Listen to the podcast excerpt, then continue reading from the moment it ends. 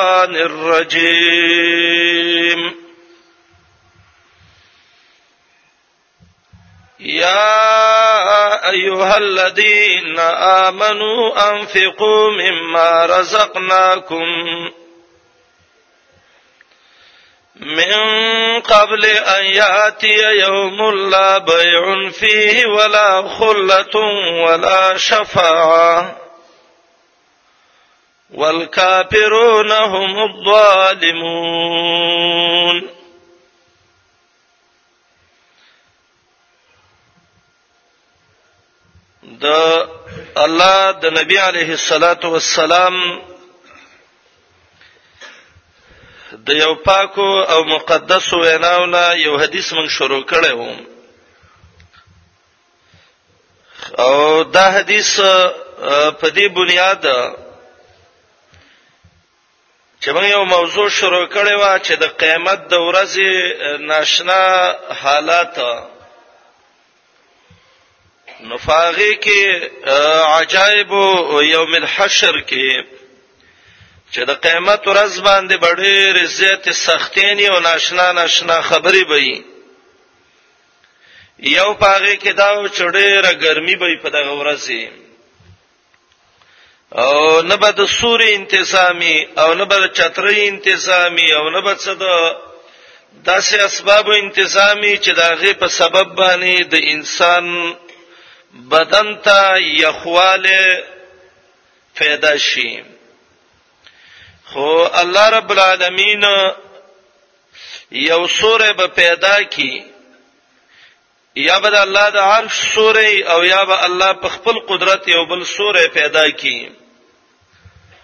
او دا هغه سوري لاندې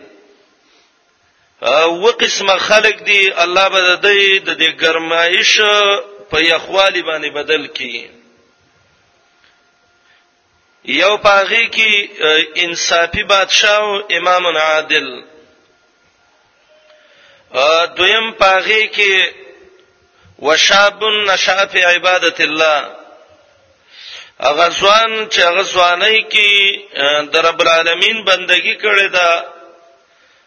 او خپل ځواني خواهشاتو کې نه د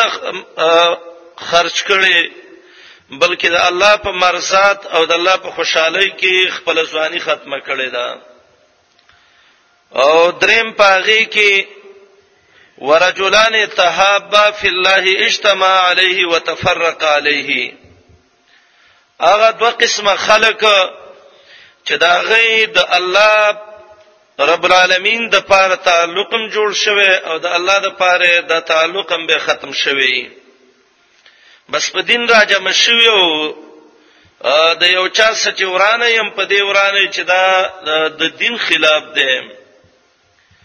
او نبی علیه السلام یو لفظ دام ویلو ورجل ذکر الله خالیا ففاست عیناه هغه بندا چې ځان لزه کې ناس دی او رب العالمین یاد ک او چې الله یاد ک نو د الله د یې نه وچړلې او پنځم قسمه هغه انسان دی چې قلبه معلق بالمساجد یا بابواب المساجد چې دا غزړه همیشه د جمعه دروازو پورې تړل شوی دی او دا همیشه د پاره کوشش شي چې زه جمعه تلل شم او د رب العالمین بندگی پاغه کې وکما دا پنځه جملې په پنځو خطبو کې د الله په مدد باندې څه معمولی معمولی وضاحت د دې شوه وو او د کې زمورونو مقصد هم دا و چې منګ او تاسو دغه د خیر صفاتونه ځان کې پیدا کو چې الله رب العالمین هم د قیامت ګرمي د حشر د عرش د سوري باندې الله بدل کړي دو خبرې دي کې نورې پاتې دي دی وو کې ان شاء الله اغا یو بنن ذکر کو او یو به آینده خطبه کې د الله په مدد باندې ذکر کو شپږم هغه انسان چې هغه الله ول د عرش د سوري د لاندې زی ور کوي نو نبی علیه الصلاۃ والسلام وی ورجل تصدق بصدقه فاخفاها حتا لا تعلم شماله ما تنفق يمينه هغه انسان چې صدقه وکي او هغه خرچه وکي او د الله په دین باندې او د الله په بندگانو باندې هغه مال ولګي کم مال چې الله دې انسان لور کړی دی او دومره په اخلاص باندې او دریاو د سمعت نه دون لري تر دې چې دی خلاص باندې خیرات ورکی نو دې ګس او چپ لاس ته پته ونه لګي چې آیا د د خیرات په څه طریقه باندې ورکا دی جمله کې الفاظ خلندي خړدې کې ډیره عظیمه فائدہ ده او دا د نبی علی السلام د خبرو عادت هم دی چې هغه ته به جوامع الکلم ویلې د به یو خبره وکړه خو هغه به دون وسندار خبره وا کاغه به را کولاوول او د دې وضاحتونه به کول نو هغه به ډیر وخت غست او دا د کامل او د پوره انسان عادت دی چې هغه یو خبره کوي خو داسې قیمتي خبره کوي چې داغه وزن ډیری داغه قوت ډیری د خبره کې یو فائدہ خدا ده چې مؤمن مسلمان چې هغه د عرش د سوري د لاندې الله ول زی ور کوي نو دا به هغه انساني چې هغه سخی انساني خیرات کوونکې انساني او دویمه فائدہ دې کې دا ده چې د انسان به د دې مال سره محبتي خو د مال مینه او محبت به د دې د پاره چې د الله د پاره ولګي او د الله د پاره په د اخرت برابر شي زمورونو دریمه فائدہ دی جمله کې دا ده چې دا انسان خیراتونه کوي نو د په خیرات کې ډیر زیات اخلاصي ریا به کې مقصد نه وي شهرت به کې مقصد نه وي دا به نه چې ماته خلک سخی سړی وي او ماته خلک خسړی وي کچیر ته په دغه نیت باندې خیرات کړو نو حدیث البطاقه ما مخ کې ویل او صحیح حدیث دی دی انسان باندې رب العالمین د جهنم اولنې ور په د باندې بلې اولایک الثلاثه حدیث کې راغلیو اول من تسعر بهم نار جهنم د جهنم ور باول په دی باندې به ګرمولې شي ور اخلاص یې دون ډیر د زمورونو د خلاص باندې پیسې لګولې دي لیکن د غسل استه پته نه لګېدلې بعض علما د دې دا معنی ذکر کوي چې د خي طرف گاونډي باندې خیرات او صدقه وکي نو دونه په اخلاص ورکي چې د دې چپ او ګس طرف والا گاونډي ته پته ونه لګي چې او د پلاني پلاني له دونه روپۍ ورکړي او بعض علما وایي د دې جملې چې نبی علی السلام ذکر کړې دي د دې خالص مقصد دا دی چې بس دا د الله صدا یو یو خاص راځي د د رب العالمین سره چې په دې باندې دریاو د سمات نزان بچ کړي نو داسې قسم له خلک چې خپل مال راغسته دي او په اخلاص لګولې دي او ریای نه د مقصد او صدقه کړی دا او د الله د رضا د پاره کړی دا نو رب العالمین د څه خلق د عرش د سوري د لاندې الله ولا به زی ور کوي ورجل تصدق بصدقه فاخفاها حتى لا تعلم شماله ما تنفق يمينه دا د حدیث مقصد دی د مؤمن صفت چا کې چې ایمانی کوم انسان کې چې تقوای نو سورۃ البقره کې 15 علامې د مؤمنانو الله ذکر کړې دي یو علامه دا ده چې ومما رزقناهم ينفقون کم مال الله وی چې مال ورکړې دي نو دا مال به د الله د رضا لپاره خرچه کوي زمورونو دا مما رزقناهم کې زکات نه دی مراد ځان لا بعض خلک وایي د دې معنی دا چې زکات به ورکړي قران کې آتو الزکات الله جدا لفظ ویل واقیم الصلاه واتو الزکات منظم کوي او زکات هم ورکړي د عموم د دغه آیات نه دا معلومیږي چې دغه آیات کې واځي زکات نه ده مراد بلکې د مؤمن صفت ده چې دا به انفاق کوي انفاق یو ډیره زیاته جامع او عجیبه کلمه ده انفاق ډیر انواع دي زکات چې دې ته منفاق ویل کیږي یو مسکین له ډوډۍ ورکول دې ته منفاق ویل کیږي یو غریب له جامع کول یو د الله بنده باندې احسان کول دا ټول انفاق دی د خیر په لارو کې چې ولګي علما وایي نو دې ته انفاق وای او د شر په لارو کې چې ولګي نو دې ته اسراف وای بلې خلک اسراف دې ته ویره پلاني وای ډېر روپۍ ورکړي ګوره چاندا کې ډېر روپۍ ورته اسراف وکنه نه ما انفق فی الخير فهو انفاق وما انفق فی الشر فهو اسراف اهل علم وای کمال چې د الله په دین کې ولګي دې ته انفاق وای او کوم مال چې هغه بي دیني کې ولګید ټي وي په واغستا وسیرې په واغستا کیبلې په ځان له ولګاو او د نمو کې سټې په واغسته او د ډنګ ټکور کتابونه په واغستل او د ګناي او عیب زی جوړ ک ګنا طرف ته دعوت ورک د ټولو ته اسراف وای د ته مبصرین وای دا خلق الله سورته بنی اسرائیل کې وای دا مبصرین کانوا اخوان الشیاطین در شیطانان ورونه دي بس څوک چې غلطه طریقه باندې مال لګي تاسو دا و پیژنئ چې د سړی شیطان له ورورې لاس ور کړی دی دا شیطان د په دې زړه باندې قابض دی د د زړه او دماغ د شیطان د حرکت یو اړه ده ګور په ناروا او ناروا په مالونه ولګول خیر کې چې ولګي د تزمورونو اسراف نه ویل کیږي د ته انفاق ویل کیږي صحابي راغله او څه زړې زړې جامې وي دا الله نبی علی السلام ته وی پیسې خو سوشته کنه وی وی فلیور علیک اثر النعمه دا د الله نعمت په ځان ښکارا کا زمونږ دا باز ډیر سادهګان رونه دی په دې سوچ کې یره پلاني خسته کپڑے واغسته او په ځان خرچه وکړه ګوره اسراف وکړه او باز وی ریای وکړه دا د الله نعمت ته د پتا باندې ښکار شي فلیرا علیک اثر النعمه حدیث کې راغلی دی دا د الله نعمت ځان باندې ښکارا کا او دا انفاق یو دونه جامعه کلمه ده دا حدیثو ته چې کله انسان وګوري نو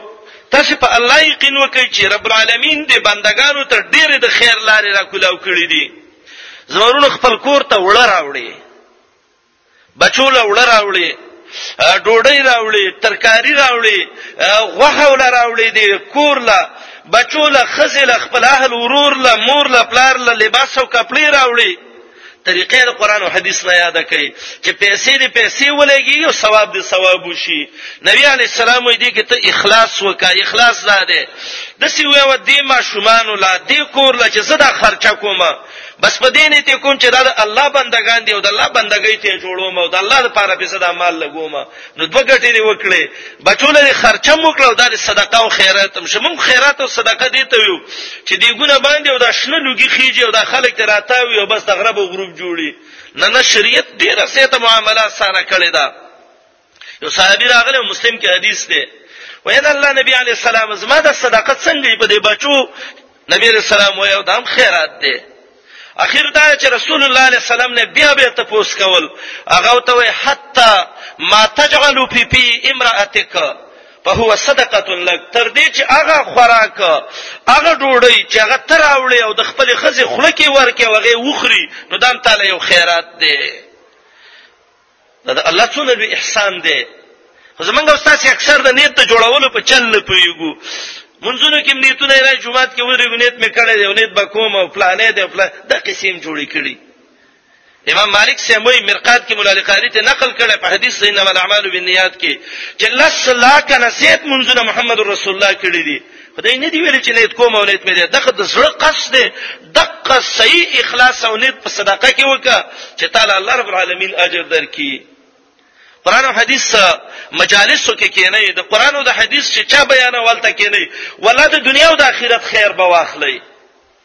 ګوره مونږ ډیر کرتی د سیکور کې چې وای وړ ختم شوې دي او ترکاری نشته نو خو وګوريګو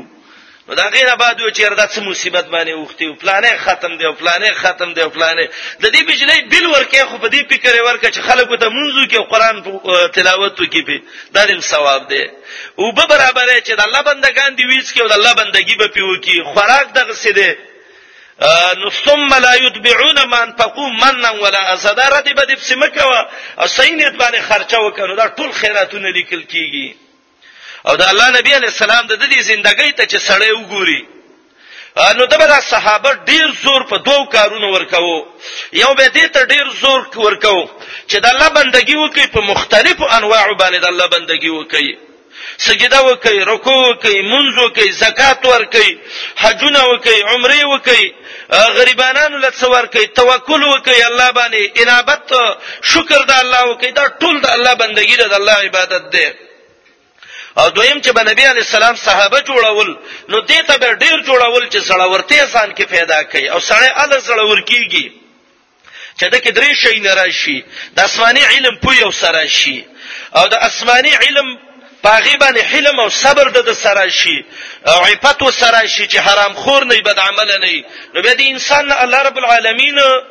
یو زړور سره جوړي سورته اعراف یو آیات کې دې ته الله اشاره کړې ده چې دا څلور کارونه ځان کې پیدا کړي علم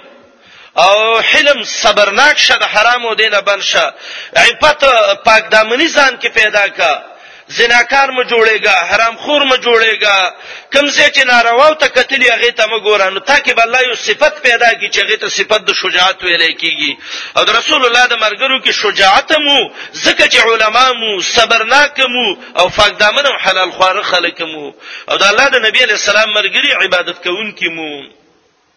انفاق چې دی منځ کې منګه وي التحیات لله والصلوات والطیبات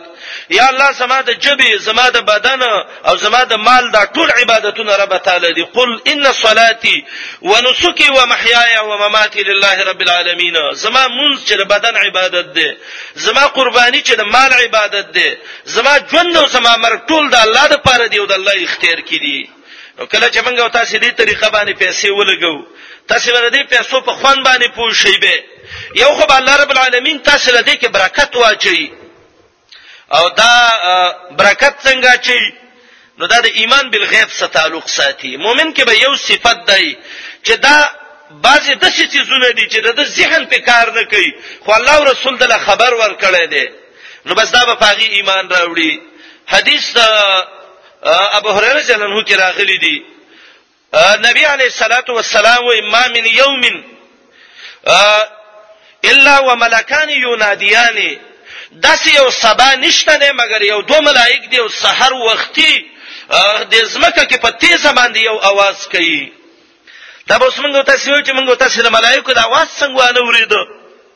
اکثر دا بعضی جهالت نیونکي خلک چې غډیر نه پوي کته ته حدیث کوي چې حدیث کې راځي چې کله د مؤمن دی مونږ کې امین وي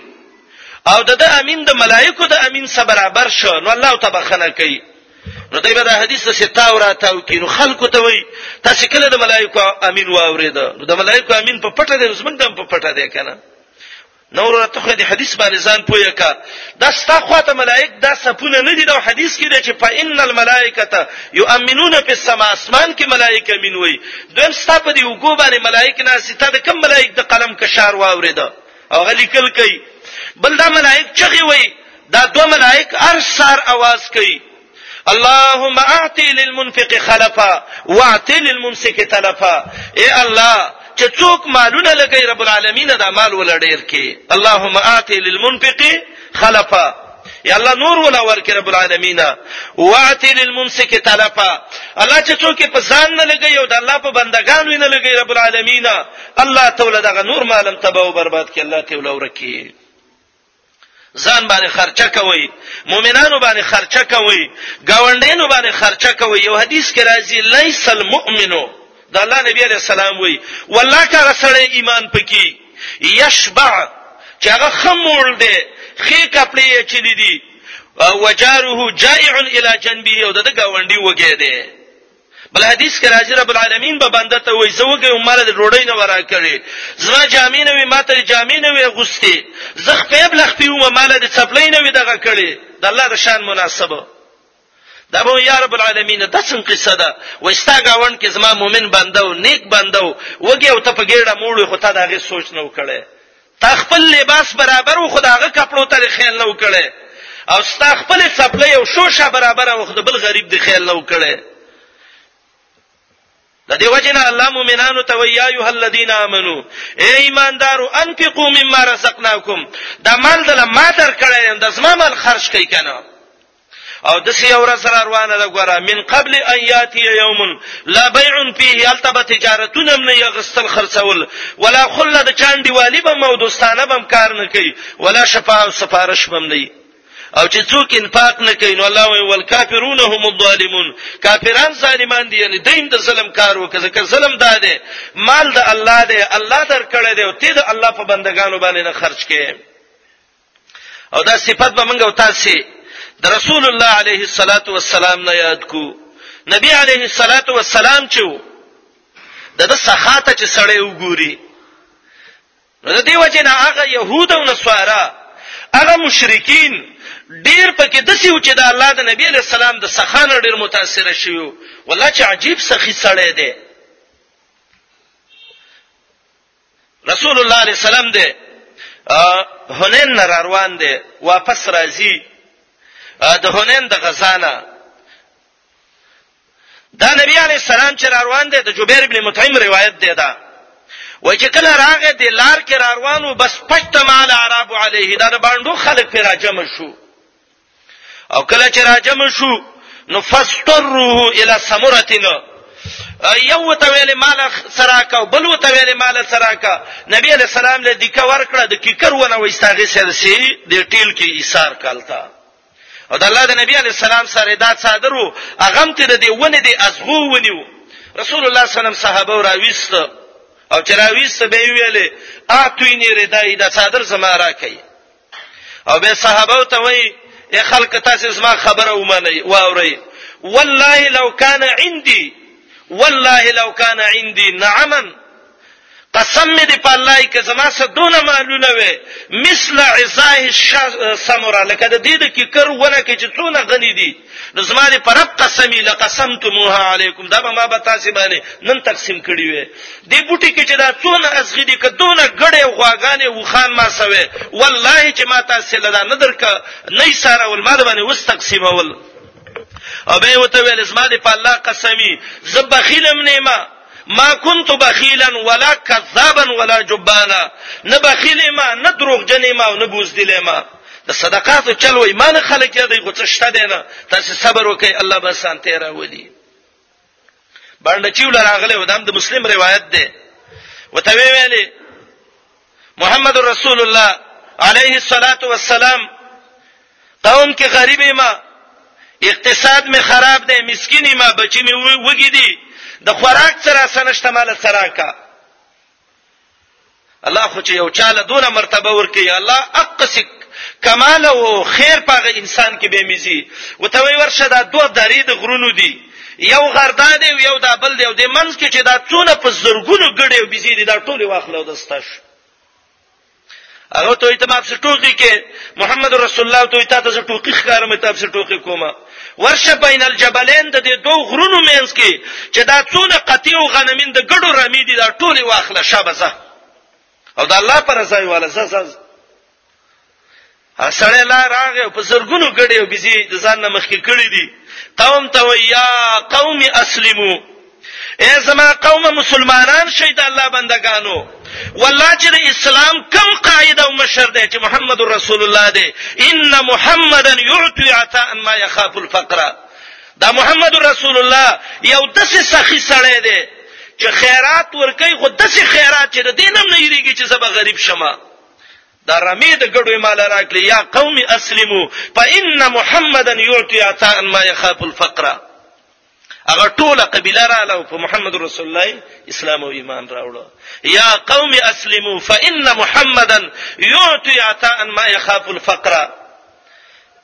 اے قوم اسلام راوړی محمد رسول الله یو داسې سخی سره الله پیدا کړی دی داسې عجیب خیراتونه کوي ما یخاف الفقر د غریبۍ نه نه یریږي چې زما بچی به به سخري خان بلال رضی الله عنه ته ویلو اے بلال انفق بلالا ولا تخش من ذل عرش اقلالا اے بلالا اې زموږ مؤذنه! خیراتونه کوه چې څونه وس دې کېده، هغه الله چې د عرش مالک دی، د هغه نه مه وېرېږه چې هغه به تا غریب کړي، ته به د هغه په نوم څه ورکوې او هغه به کنې ستا مال ختموي. والله دونه سوچم دا مثال اکثر زه ډېر وایم د یو سړي کور مخې ته سپی پروت دی او دا څوک په ګټو ولي هغه کور والا کې څه غیرت په خپل سپیم خپه کیږي نو چې موږ او تاسو د الله بندگان یو د الله بندگی کوو د الله په نوم مالونه ورکو نو تاسو څه خیال لرئ چې الله به زموږ مال کې برکت اچي کنه به اچي ولی به نه چي ملائک به دعا کوي اللهم اعطي للمنفق خلفا واعطي للممسك تلفا الله چې ستاسو په نوم څوک مالونه لګي رب العالمین الله ته د دې مالونه ډیر کړي الله تی مالونه ډیر کې رب العالمین ته د دې خلکو مال کې برکت واچي ازمرونو د خیراتونو کې د مالونو لګولو کې د الله د پاره د کې یو فائدہ دام ده یو صحیح حدیث کې راغلی دی و ان الصدقه لتطفئ غضب الرب الله چې یو بنده ته په قهر شي چې زدا بنده تبا کوم او د خیرات د الله په نوم وکي نو رب العالمین هغه غصه د خیرات د څه ختمي لکه څنګه چې په ور باندې سړی وبو واچي او مړی کی وان الصدقه لتطفئ غضب الرب بل دا الله دې احسان ته وګوره یو روپۍ ورکا رب العالمین دلته یو روپۍ یو په وسو باندې حسابي سوره بقره کې الله خیرات احکام ذکر کړي دي د انفاق فی سبیل الله د آیت الکرسی نه رسته د اخیره پورې او دو قسمه خلک ذکر کړی دی یو هغه خلک چې د الله لپاره مال لګي او دویم هغه خلک چې غیر دریا او د سمعت لپاره لګي نو یو مثال الله ذکر کړی دی هغه خلک چې د دې لپاره مال لګي چې زما الله زما رضا شي الله یو مثال ذکر کړی کما مثل حبتن یو دانه د ودی غرزول زمکه کې دا غینه یو تیغ را زرغون شو او پاغي تیغ هغه د جوار بوټی دی هغه وڅ شو او انبتت سبع سنابل ووجب کیدی او په کل سنبله 100 حبه هر وږي کې سل دانی دي نو کرلی یو دانه وا لیکن الته دانی آمدنی څونه شو وسوه او دا تجاران په دې پویږي و روپۍ چې وسو روپۍ ځان پسې وګټي دا ډېر کامیاب تجارت دی خلک څوک په نیمه باندې تجارتونه کوي څوک وای داب کې دونه حصہ به ورکوم څوک وای دونه الله رب العالمین وای ما سره معامله وکا یو روپۍ راکز ما په نوم باندې دا یو روپۍ د لزه یو په وسو غټه در کوم یو لاک روپۍ ورکا نو به یو په وسو کې ولې حساب کوو چې غټه څونه رااله دا د الله احسان دی او الله څه وایي والله یضاعف لمن یشاء الله د دینم ډیرې دغه وسو دانی دي بیا یې وکړو هر یو لپ سلسل کې زر بر کړي ته شي جوړیږي هزارونو باز خلکو دی عددونو کې د څه د ځان نه ګوتې متي والي دي څنګه قران دا الله رسول دا عدد چې د داد سره بندای نه یو څه کې بس الله وای چې دغه دی دا یو په وسو او یضاعف لمن یشاء به سی حساب کوي الله دې نم ډیر ور کوي بعض خلکو خدا حدیث را واغستل د سرزان نه کیسه قصې جوړې کړي وایله کده سی اولار ده په دې لارې کې لاړ شه او چې لاړې نو الله به له یو په یو کم 50 کروڑ درکې 49 کروڑ باندې ولې کدا یو عددم کمه خو پرې یو 50 کروڑه کا کنه خزانه د الله کمی دي دا د یو چل کړی دی یو د ابن ماجه حدیث دی یو د ابو داود روایت دی یو روایت کې دا دی چې جهاد کې یو روپۍ په ځان ولګاو الله دې یو په لس زره درکې دا هم د الله احسان دی او یو کې دا دی چې یو روپۍ ولګاو یو په وسره الله الله درکې نو دا دوه حدیث راغستې دی یو له بل کې ضرب ور کړی دی نو چې سر به ولور کړو دا غنه 49 سره ایستلې دي اول خدای چې الله او رسول ته د ضروري کوم ځای کې اجازه درکړې ده چې تا عمل را له د څه ضربونه ورکاو د څه ورکاو د څه کاوه دویم دغه روایتونه سندن دواړه ضعیف دي د ابو داوود روایت کې زبان ابن فائد دی هغه سندن ضعیف دی او د ابن ماجه روایت کې خلیل ابن عبد الله او دغه ورور دی هغه دواړه ضعیف دي نو یو ضعیف نه قبل ضعیف کې سر بور کې څه شی به جوړ کې ما ته خخته باندې بره بیم واچو غرب کوي کته را لېږي د سیمه کوه مضبوط شي جوړ کا چې ته هغه عدد ویوا الله دې 49 کروڑ نه د میلیارډونو د کروڑونو نه پسې الله ډېر ور کوي والله یضاعف لمن یشاء دا عدد د سلګ ځای کې مرا بندوي او هغه طریقه باندې دې کې چلیدل غواړي چې الله او رسول کوم ویل دي زمرونو انفاق ډېر لوی دغه ده نبی علی السلام وی وای د رب العالمین غصه چې د د انفاق او د صدقې او د خیرات په سبب باندې الله رب العالمین هغه غصه دغه کیدا ختمي حدیث ابو هريره جل الله کې راغلیو محمد رسول الله علیه الصلاۃ والسلام وی اذا مات ابن ادم او بعضو روایتو کې اذا مات الانسان راغله ده یو انسان چې کله مړ شي نو دا انسان ان قطع عنه عمله الا من ثلاث د د اعمالو دروازه بالکل په ټپه بند شي د الله نبی علی السلام او عمل بنديږي بځي ویره وي اوس مونږ کې لګې دي قبرونو کې ولاړ دي به دروازه کوم ځای کې بند شوې ده او بځي وي چې نه روح راغله د بلې په سر ناشته لکه وظیفه ورکې ګوره چې وګي ونه لګي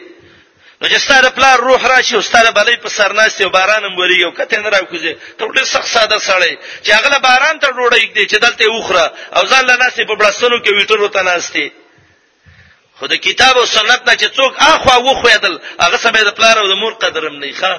اله دې مړی روح راغلې او باران ناشته وظیفه وختي وباسي شامی لیکلی دی من اعتقد ان ارواح المشایخ تحضر چا چې دا عقیده و چې د مړو روحونه راځي فقد کفر بما نزل الله علی محمد صلی الله علیه وسلم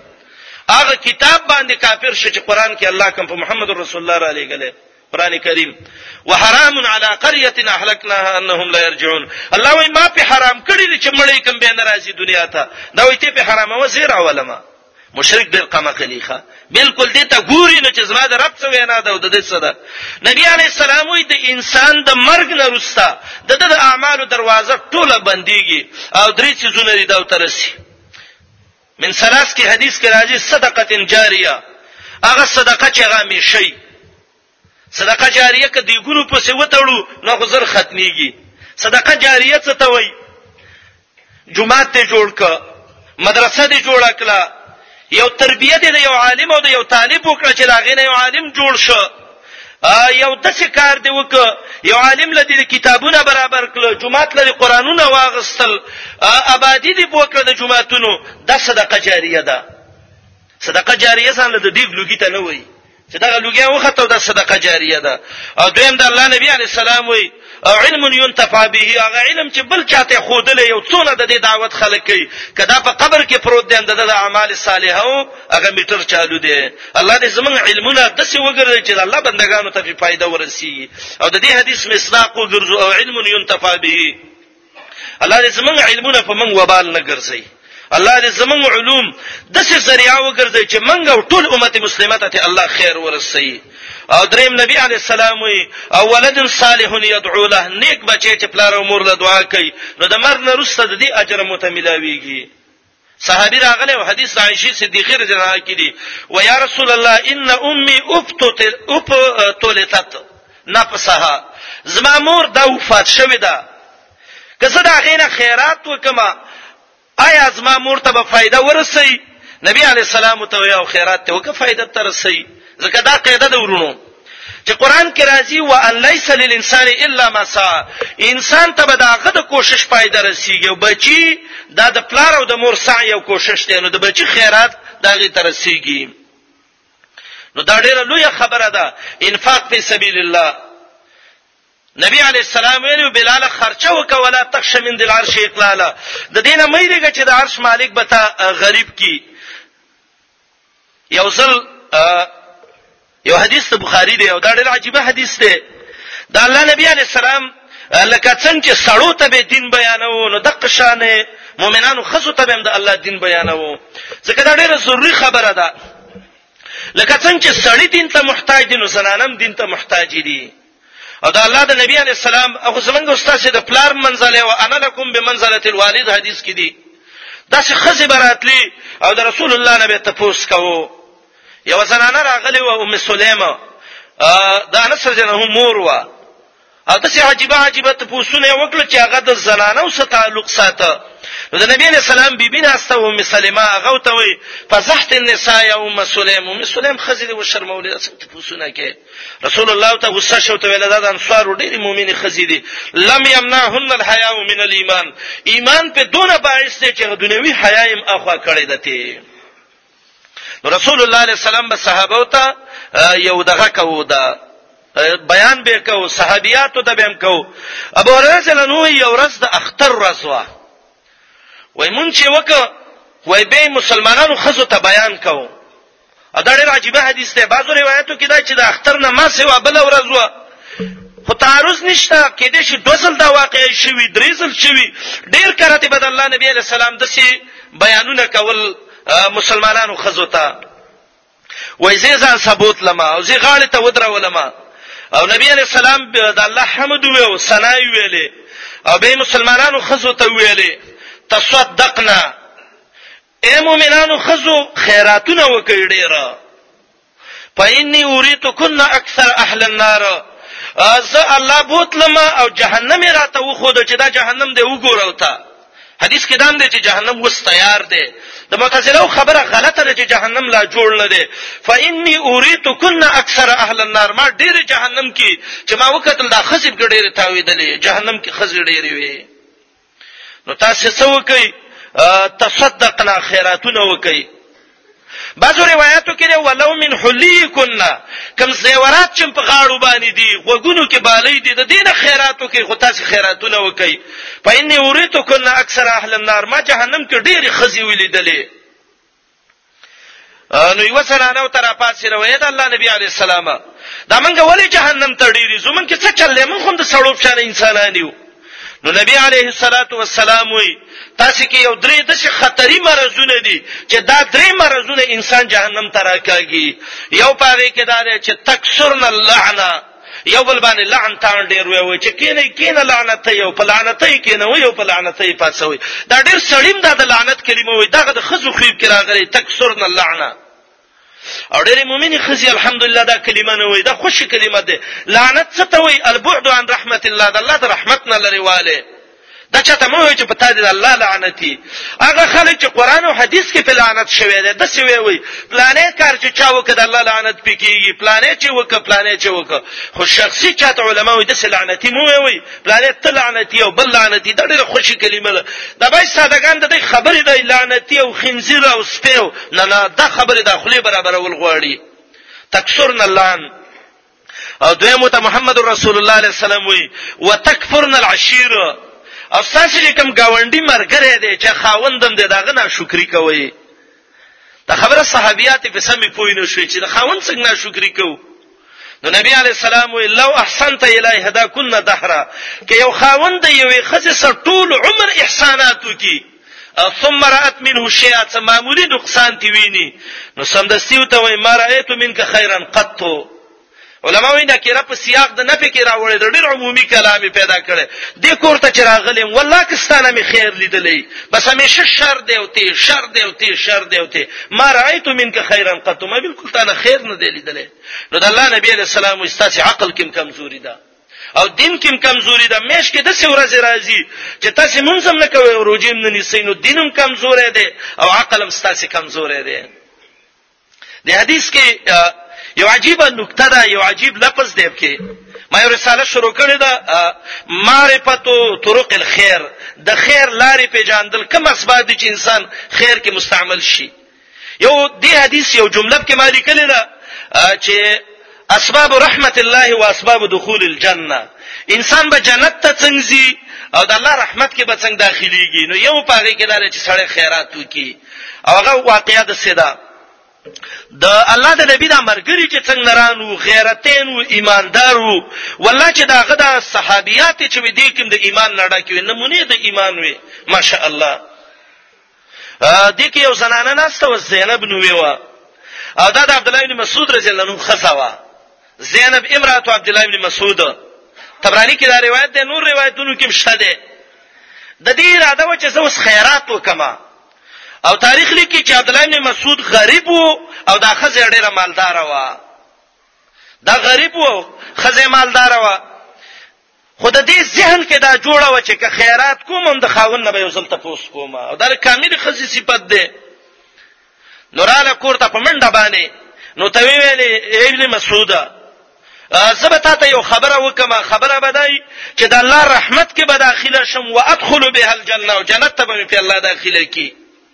عبد الله بن مسعود وایي تا څه شری چې د الله رحمت ته پیرسیږي او جنت ته په داخليږي وای دا الله نبی علی السلام ویل چې تاسو خیراتونه وکئ نو جنت ته به الله داخل کی والله بر باندې رحمتونه وکي نو عبد الله بن مسعود کستا خوخی او خپکی کې نو سبا خیرات وکما نو عبد الله بن مسعود ماشاءالله داسې مؤمنه خزه چې نو داغه خاون بم چې عبد الله بن مسعود صحابه وای کنا نشبهه به داوود من ګول دا د دې امت سم داوود علی السلام دی او دا ونه نه لاندې او خو کونه په مول علم سم د علم و کوټه و ماشاء الله او دې ته به ابن ام عبد ویو صاحب السواک والمطهر د نبی اسلام بس به مسواک او د لوټه د او دس ګرځوله خادم یو پیرانو ته چې نبی اسلام تقریر کوله ليله الجن کې عبد الله بن مسعود بوله وسان سره ناشنا سره یو ځل صحابه ته ویل ارض لکم ما رضی لکم ابن ام عبد عبد الله بن مسعود چې دا په کم دین د خوشاله دی دا تزمام خوخ دی نو دا عبد الله بن مسعود ته وی زینب دا مال ستاده او تی مالک او تبه به وسه الله رحمت او جنت ته رسیږي او عبد الله بن مسعود به دا بد وګړي چری زدا نه غنم بد نو معلومیږي دا چې د زنانو خیرات کول د سبب د جنت د تلو د الله د رحمت د حاصلې دوه دی نو عبد الله بن مسعود رضی الله عنه د خزې ځان سره خیرات را واغس دغه د وړو کې خیراتونه نه وخه ابو هريره وای ما صادر وغړو او یو خپېټه راته ډک شو هغه ټول پکې څو الذهب والفضه سره او سپینو او په خمه په شاره واړو به ویول بیت المال الله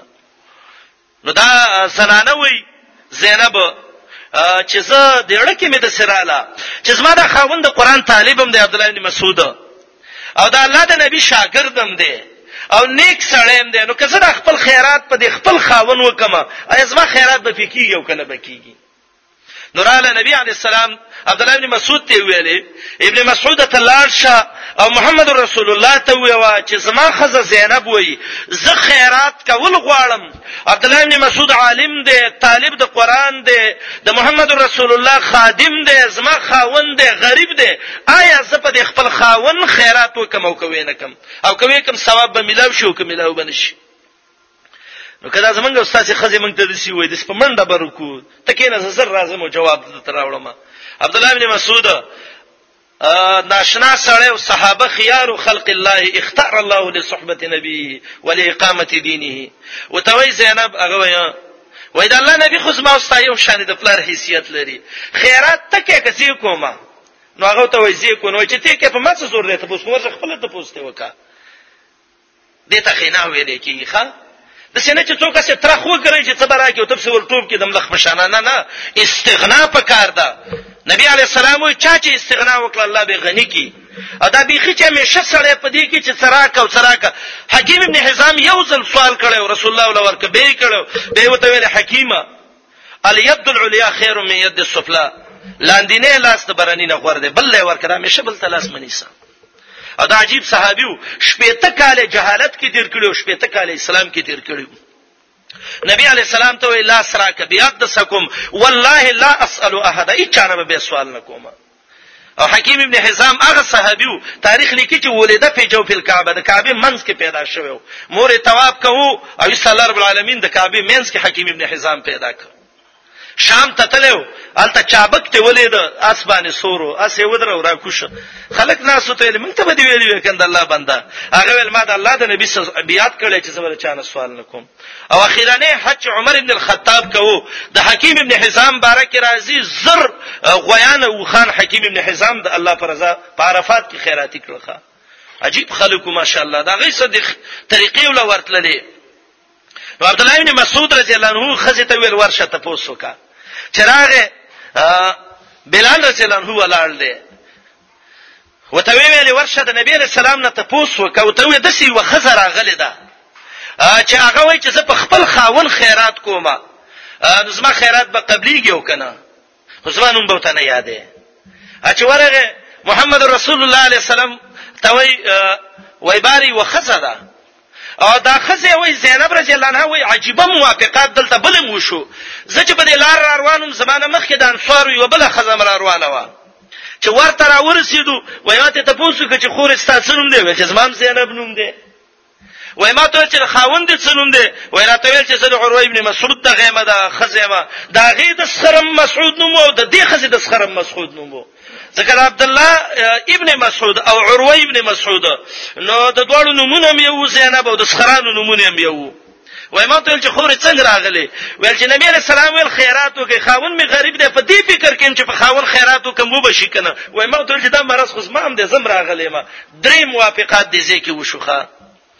نو بلال ته ویل ته ورشه ته په ته ویوا چې یو خزه ده خو صحابه به د الله د نبی خبرې کې به چون چرانه کړ وته ویل خزه ده وای څوک ده نو بلال ته د زینب خبره ده د رسول الله خبره ته اوچته وا وته یا رسول الله یو خو زینب ده د عبد الله بن مسعود خزه او و امراه من الانصار و هو انصاری خزه ده بلا د انصارو نه ده وای څنګه راغلي دي وای چې خاوندانم غریبانان دي او تاول خیراتو کوي نو کدی له خپل زکاتونه او خیراتونه ورکو څنګه به نو نبی علی السلام وی وته وی چې لها اجران چې په دې خپل خاوندانو باندې صدقې وکړي دا خو دوه خیرات دي اجر القرابه او اجر الصدقه یو خدای نږدې خپلوانم دي او دویم دا چې صدقې به خیرات بم شي نو د خپلوالۍ دا یو او دا بل جانب دی بل نو تبه دو ثواب حاصل کی دیو جن اهل علم وای دا غلطه خبره ده چې خاون غریبي او د خزي زکات ویني شور کوله بالکل شور کوله دا صحیح حدیث ده دی باب کې البته که خزه غریبي نو خاون ولا نشي ور کوله ځکه خاون باندې دغه خرچه او نفقه ده فرض ده او د اصول په فروع زکات نه کې او د فروع په اصول نه کېږي او هغه څوک چې پاغې نه فقه لازم ده لکه وړو کې بچي شو خزه شو نو د دې صدقه به زکات پاغې باندې نه کېږي نو زکاتونه ورکول او خیراتونه ورکول دا هغه سبب دی چې انسان پر جهنم نه خلاصيږي او الله ته په نږدې کیږي او جنت ته په ورځي او دا ډېر روایتونه دي کې یو حدیث کې راغلي دي رسول الله عليه السلام وایي ما نقص صدقه المال عبدنا هیڅ یو خیرات د یو بنده مال نه دی کم کړي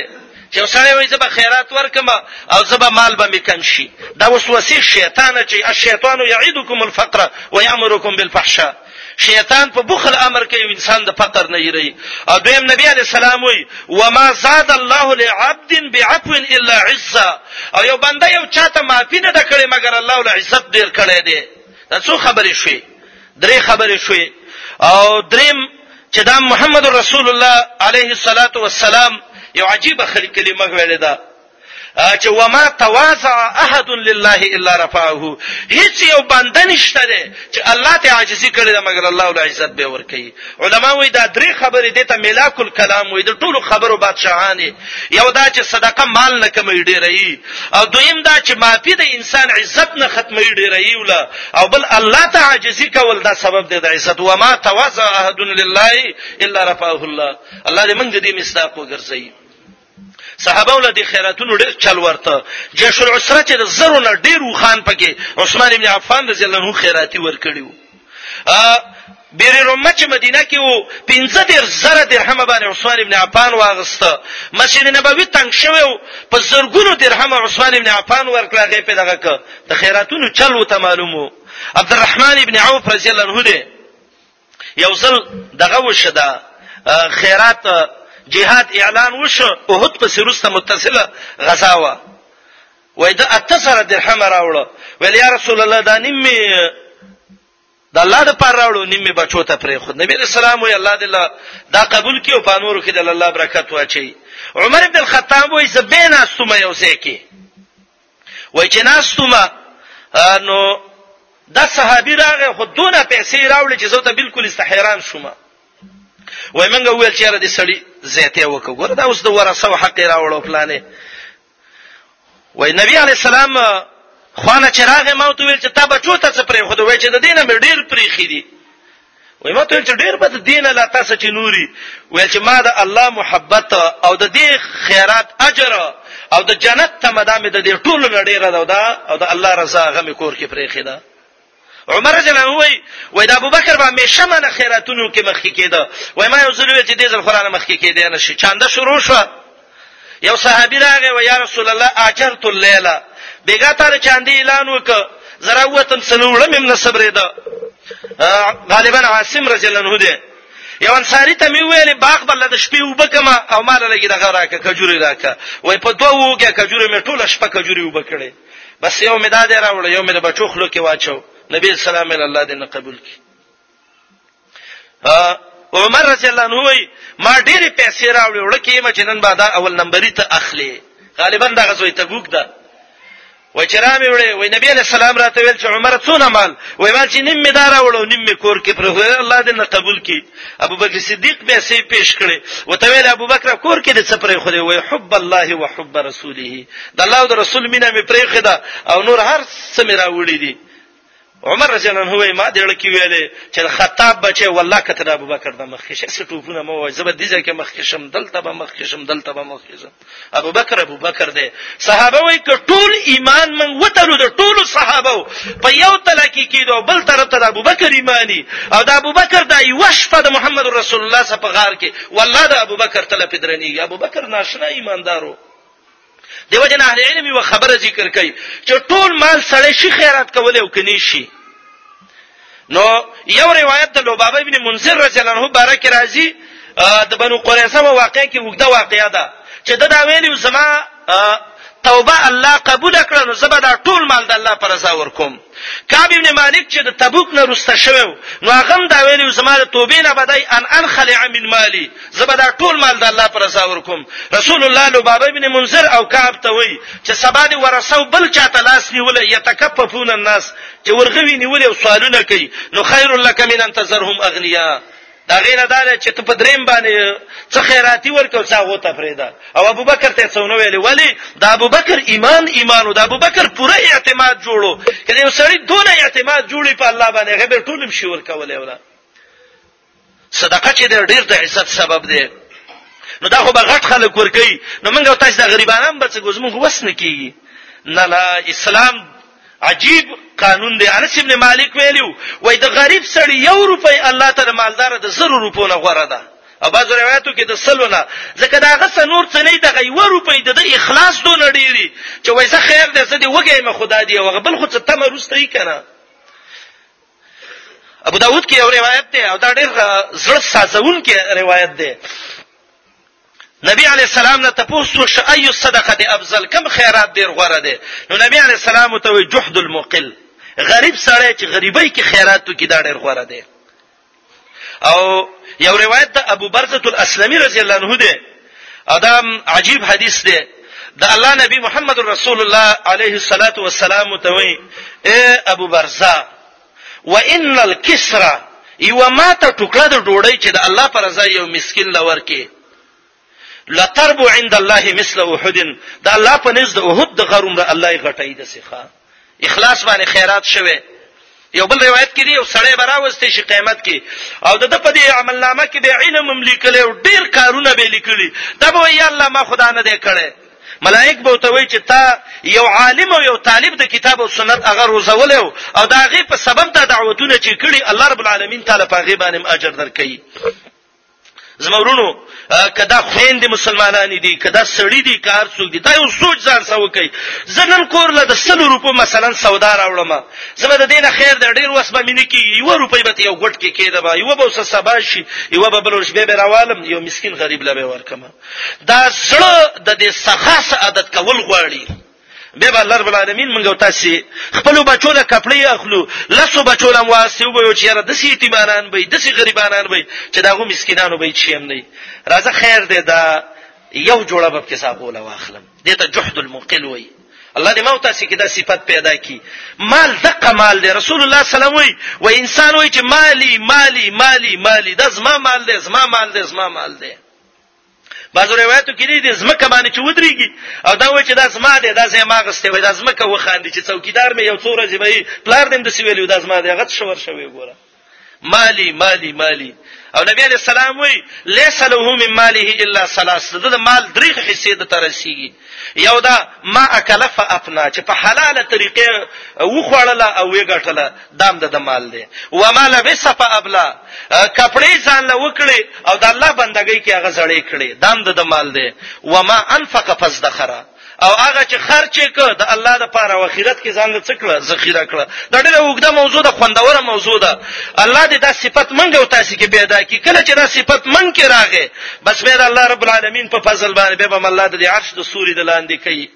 او به دې کې د علماو لږ اختلاف دی چې دا صدقه په پټه ورکول خدي او په ښکارا باندې خدي نو بعض علما وایي دواړه طرف ته وچلېږي په ښکارا کله خیرات کوي چې نور خلک ته عبرت واخلي او په پټه هم کوي چې غستاو د الله منځ کې اورازي او بعض علما وایي نپلی صدقه په پټه خدا او زکات ښکارا باندې خده چې نور مالداران دا غینه عبرت والی نو د الله نبی علی السلام دی وو کسانو کې یو دا ذکر کړي ورجل تصدق بصدقه فاخفى حتى لا تعلم شماله ما تنفق يمينه او یو پاغه کې پاتې شو نبی علی الصلاۃ والسلام وی وم کس پاغه کې دا دی ورجل دعته امراه ذات منصب و جمال یو خزر د خ منصب والا ده د خ خایس والا ده او یو سړی له زنا دعوت ورکړ یا یو سړی یو زنانه لور ورکړ او هغه ول صدا الله نه یریګم د بد عملی نه ځان ساتم د دې به ان شاء الله کمر ګرا مخ کې نشو اند جمعې پر زمنګ جنو ان شاء الله دا به په بل خطبه کیو د الله په فضل باندې د زمورونو د خیر زین دي جمعهتونه د کې کینی او د مجالس سلیمان دلته موږ شروع کړی د دې کې حاضری کوي چې د خپل ایمان نه سړی خبر شي ان شاء الله اند کې دا یو موضوع ډیره مهمه ده چې د الله په تقدیر باندې ایمان راوړل دا وی د الله تقدیر کې به تلیکلیو د الله قضا کې به تلیکلیو دا د الله تقدیر په جاندل غواړي دا به د ایمان د مجالسو کې دا کو اتو ورځ عمومي چټي نو د الله د دین لمنګو تاسو به ورکو مازیګر په باندې درې بجې دلته مونږ کې ټول حاضری کوي ان شاء الله دا د خیر زینه دی الله یشبع المؤمن من خیر یسمع مؤمن به د خیر د زینه مړیږي نو الله دې ما تاسو ټول له توفیق راکړي او الله دې صحیح علمونه د کتاب او سنت زمنګ نصیب کړي وصلی الله علی نبینا محمد و آله وصحبه اجمعین